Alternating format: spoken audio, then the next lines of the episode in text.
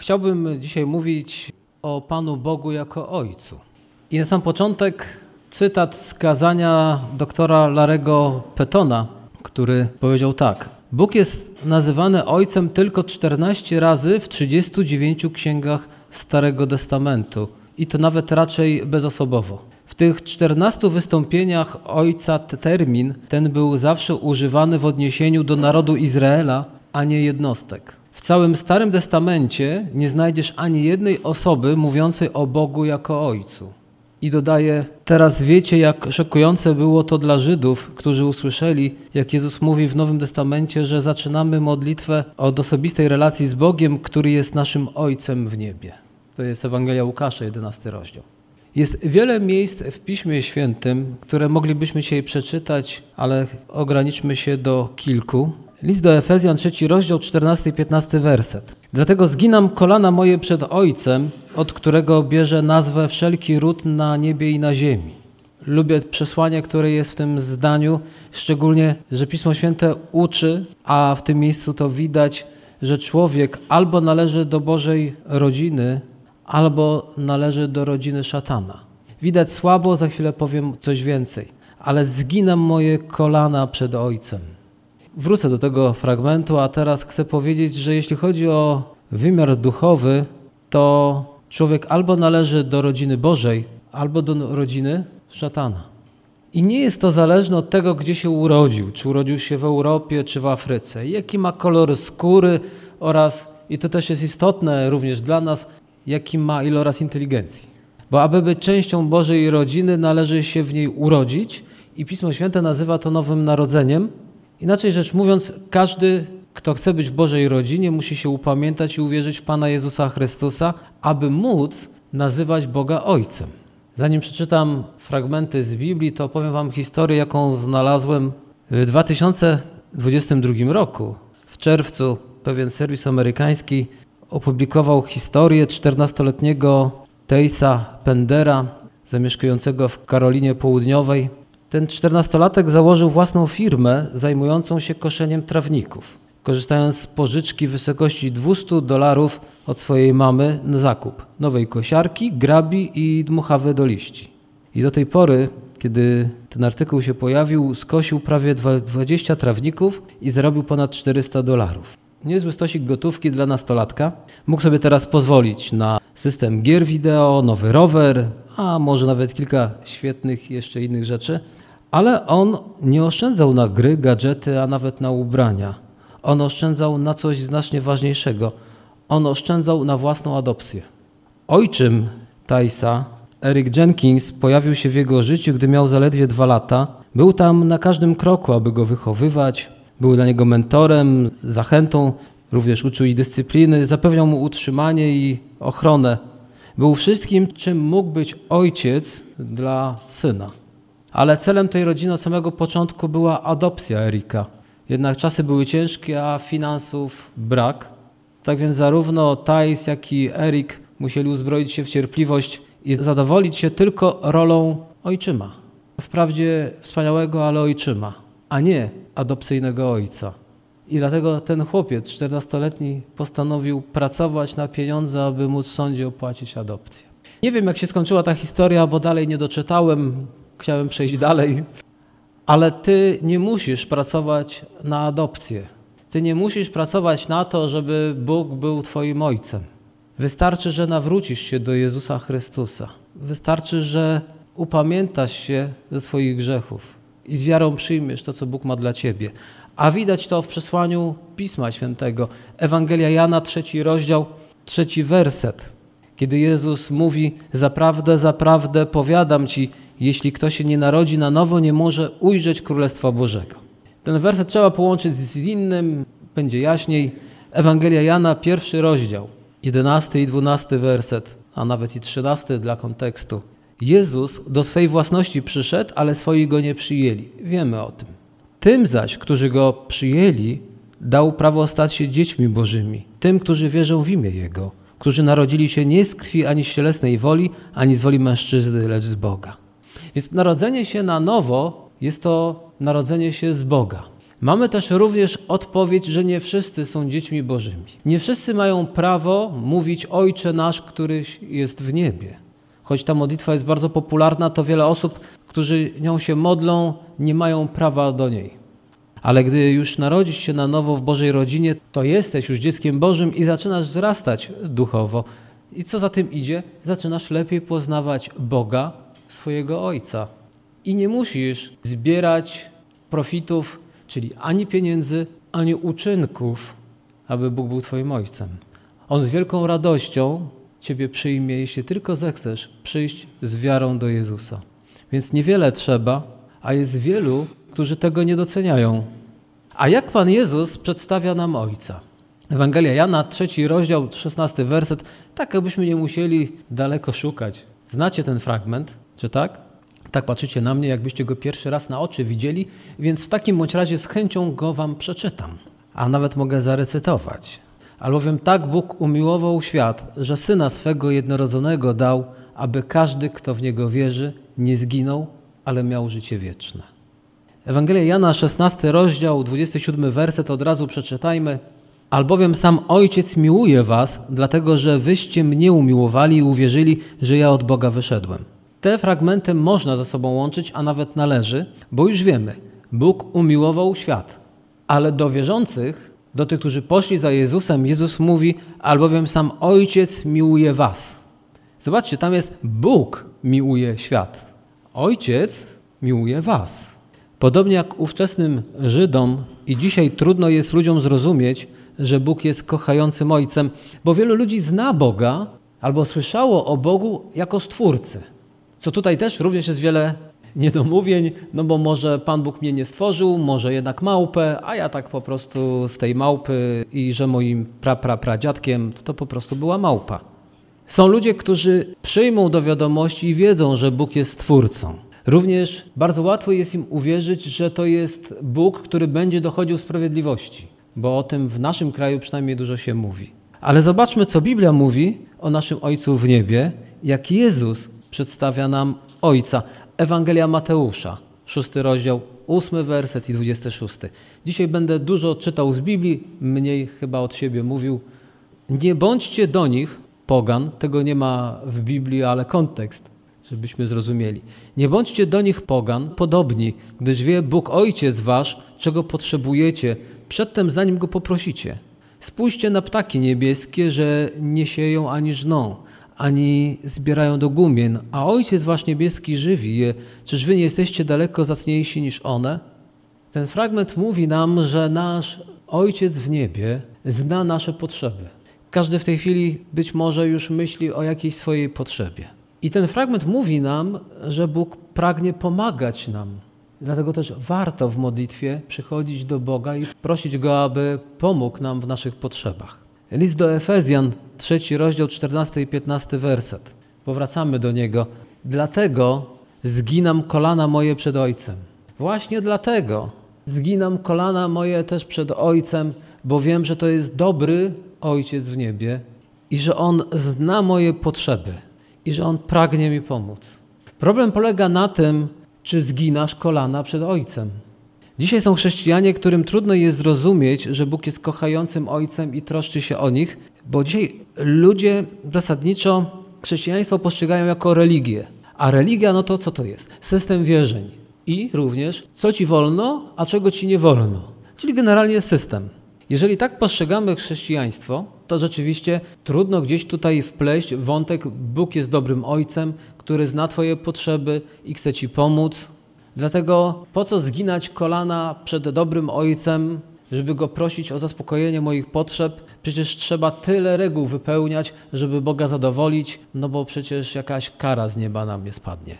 To jest kwestia postrzegania My jednak wiemy, że tutaj chodzi o relacje rodzinne. Ten fragment w 15 wersecie mówi, od którego bierze nazwę wszelki ród na niebie i na ziemi. Jakże pokoleniowa rodzina, jakże daleko ten ród sięga. I my jednak wiemy, że tu chodzi o rodzinne powiązania. Zobaczcie, i mówiłem już o tym, nigdzie w Biblii nie jest napisane, że Bóg jest generałem, ale jest powiedziane, że Bóg jest ojcem. Bo ważniejsze jest, żebyśmy zrozumieli właśnie to taką relację, rodzinną relację. A Biblia nawet wprost mówi: Bóg jest miłością. Bóg jest naszym Ojcem i Bóg jest miłością. Bóg, podobnie jak Ojciec, nie tylko udziela rad, ale Bóg daje siebie. I ten fragment z Ewangelii Jana 3,16 też o tym mówi. Tak Bóg umiłował świat, że dał. Nie skończyło się na dobrych radach z nieba. Ja wiem, że wiele osób od swoich rodziców usłyszało tylko wiele rad. Co wolno, czego nie wolno i na tym się kończyło. I dzisiaj otrzymujemy od innych wiele rad. Ale żeby ktoś powiedział, daj, coś zrobię z tobą, pomogę ci. Nie, udzielamy rad, bo to jest rzeczywiście tanie, proste. Ewangelia Mateusza, szósty rozdział, 31 do 33 wersetu przeczytam. Nie troszcie się więc i nie mówcie, co będziemy jeść, albo co będziemy pić, albo czym się będziemy przyodziewać, bo tego wszystkiego poganie szukają, albowiem Ojciec Wasz Niebieski wie, że tego wszystkiego potrzebujecie. Ale szukajcie najpierw Królestwa Bożego i sprawiedliwości Jego, a wszystko inne będzie Wam dodane. Bo tego wszystkiego poganie szukają. Czy Wy nie szukacie jedzenia? Nie szukacie, żeby się czegoś napić? Czytaliśmy, że nasz Ojciec w niebie wie, wie czego potrzebujecie, ale mamy warunek. Warunek, aby móc korzystać z Bożych błogosławieństw. Najpierw pilnujcie tego, co jest Boże. Poganie nie pilnują tego, co jest Boże. Oni zabiegają o swoje. Co ich interesują Boże sprawy? Ich interesuje ich własny brzuch. A jak to mówił pewien wieszcz, kreteńczycy łgarze i tam coś o brzuchach też było. Więc Biblia zachęca nas, najpierw pilnujcie tego, co jest Boże, czyli postępujcie po Bożemu, a wszystko inne będzie wam dodane. Chrześcijanie lubią ten fragment, który mówi, że Bóg zaspokoi nasze potrzeby, bo jest kochającym Ojcem. Ale już niekoniecznie pamiętają o tym, że Bóg zaspokoi Twoje potrzeby, jeśli Ty będziesz realizował Boże sprawy. Szukajcie najpierw Królestwa Bożego. Inaczej mówiąc, jak wspomniałem, pilnujcie tego, co jest Boże. Postępujcie po Bożemu, a wszystko inne będzie Wam dodane. I jeszcze jedna bardzo ważna uwaga, bo niektórzy tego nie dostrzegają i czytają to troszkę inaczej, ale może mają takie przykłady, przykłady Biblii, bo tu nie jest napisane, że będzie wam odebrane. A jednak mam takie wrażenie, kiedy obserwuję, jak chrześcijanie angażują się w Boże sprawy. Czyli tak się angażują, żeby nie było im coś odebrane. Czym mniej będę zaangażowany, czym mniej będę brał udział w życiu Kościoła, czym mniej będę brał udział w realizowaniu Bożych spraw, to może lepiej, bo jak się zaangażuję, to Pan Bóg mi to wszystko odbierze, co i tak już mam. I dlatego wielu chrześcijan się nie angażuje, bo jednak mają inny przykład Biblii, który mówi: Szukajcie najpierw Królestwa Bożego i sprawiedliwości Jego, a wszystko będzie wam odebrane. Więc oni wolą tego nie robić. Ja nie wiem, w której grupie jesteś, ale już teraz widzisz, że prawidłowy przekład warto sprawdzić w Grece, jeśli ktoś może zapytać, że jednak jest tam słowo dodane ale ktoś okłamał tych ludzi, bo powiedział im, że jeżeli będziecie postępować po Bożemu, jeżeli będziecie słuchać Pana Boga, jeżeli będziecie angażować w Boże sprawy, to coś wam zostanie zabrane. Kto tak nas okłamał? Znacie? Wiecie? Dodane, a nie odebrane. Do tego tym bardziej to dziwne, że Pan Bóg mówi: Nie troszcie się, a tak wielu chrześcijan troszczy się. Troszczą się bardziej o sprawy doczesne, sprawy na krótką metę, a zapominają, że są sprawy wieczne, sprawy, które będą znacznie ważniejsze w ich życiu, ale teraz tego nie widzą, nie doceniają. A kiedy tak troszczą się o ten byt codzienny, troszczą, czyli zabiegają, to nie chodzi o to, że lekceważymy to sobie. Nikt z nas nie lekceważy tego, żeby pójść do pracy. Nikt tego nie lekceważy, że trzeba przygotować posiłek. Ale tak zabiegamy często o te sprawy doczesne, poświęcamy im tyle czasu, że potem nie mamy czego? sił na sprawy Boże.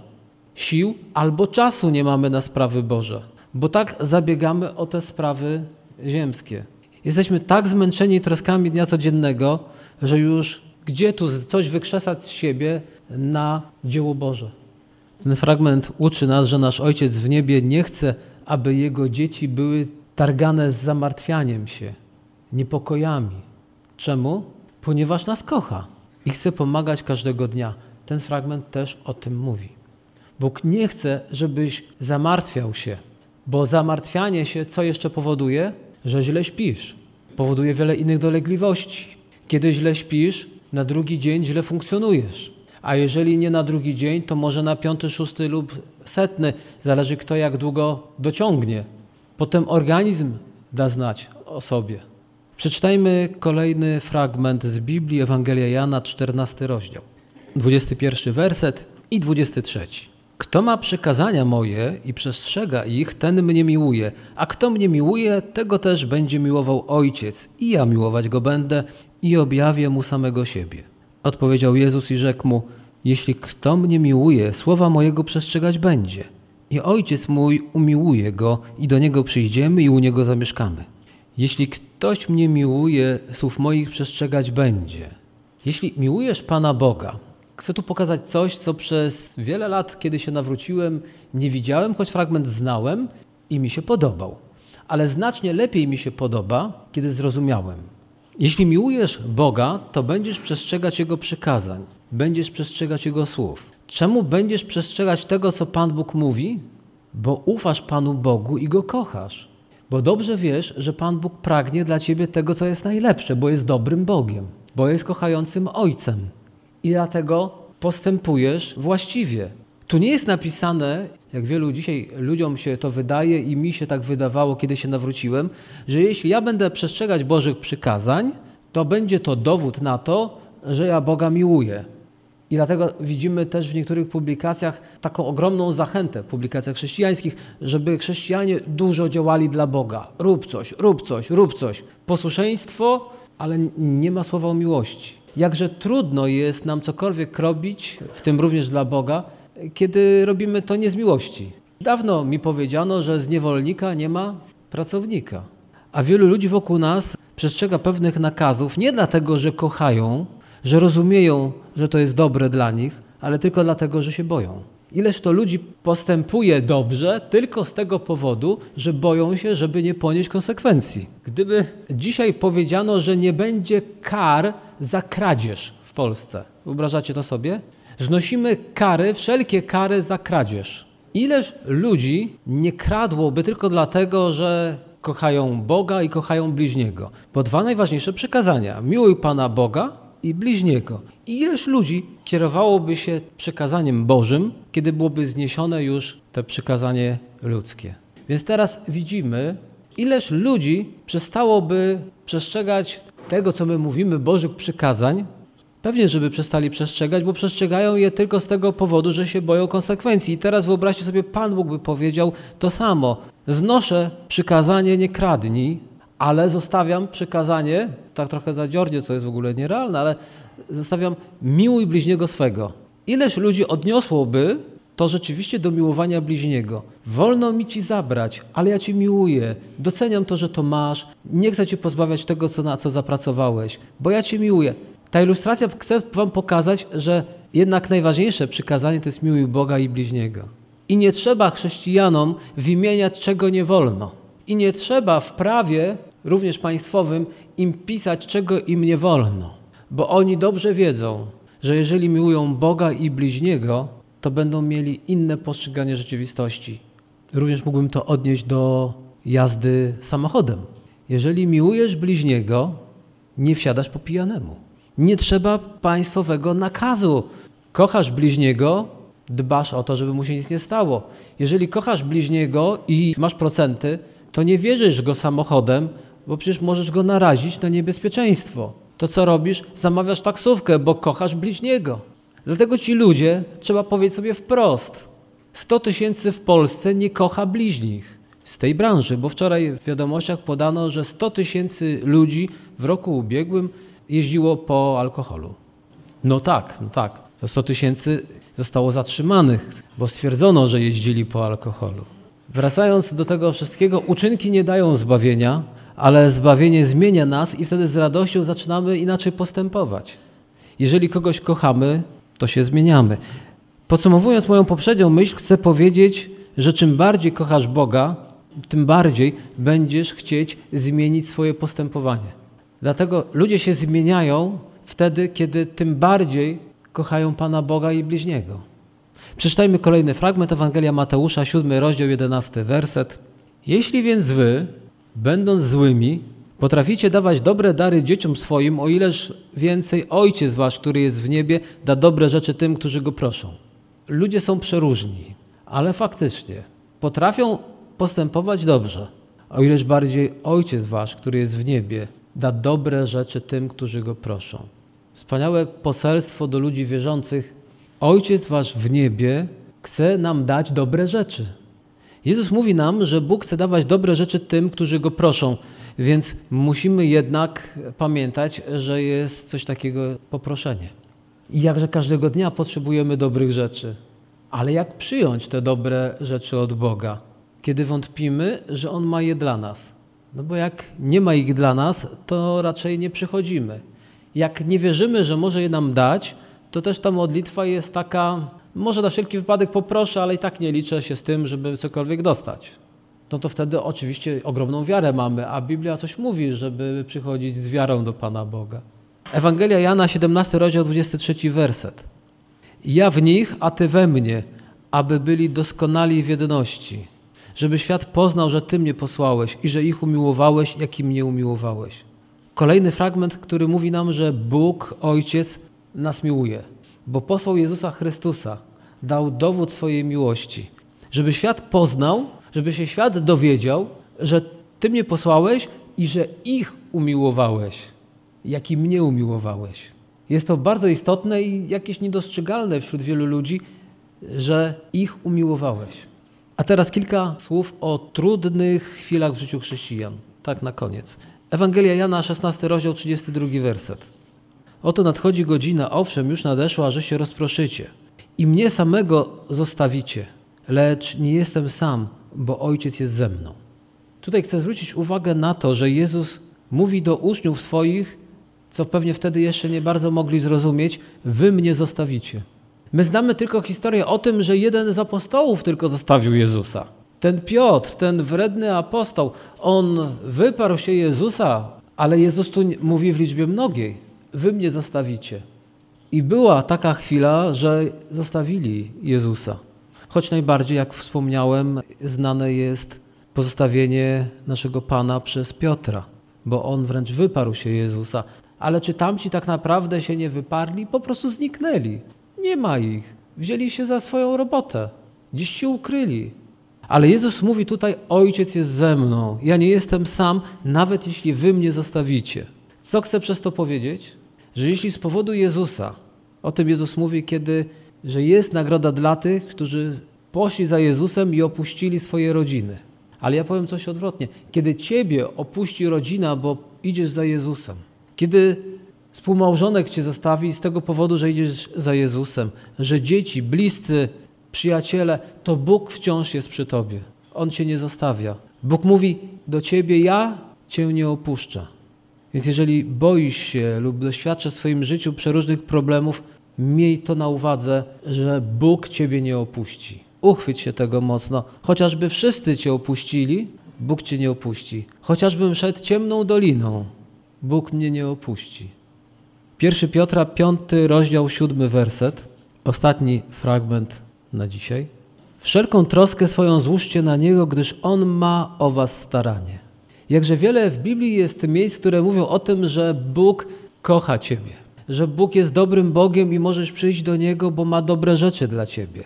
I mówi o tym, jeżeli masz jakieś troski, nieraz czytam o tym w Biblii, możesz je zostawić u stóp Jezusa.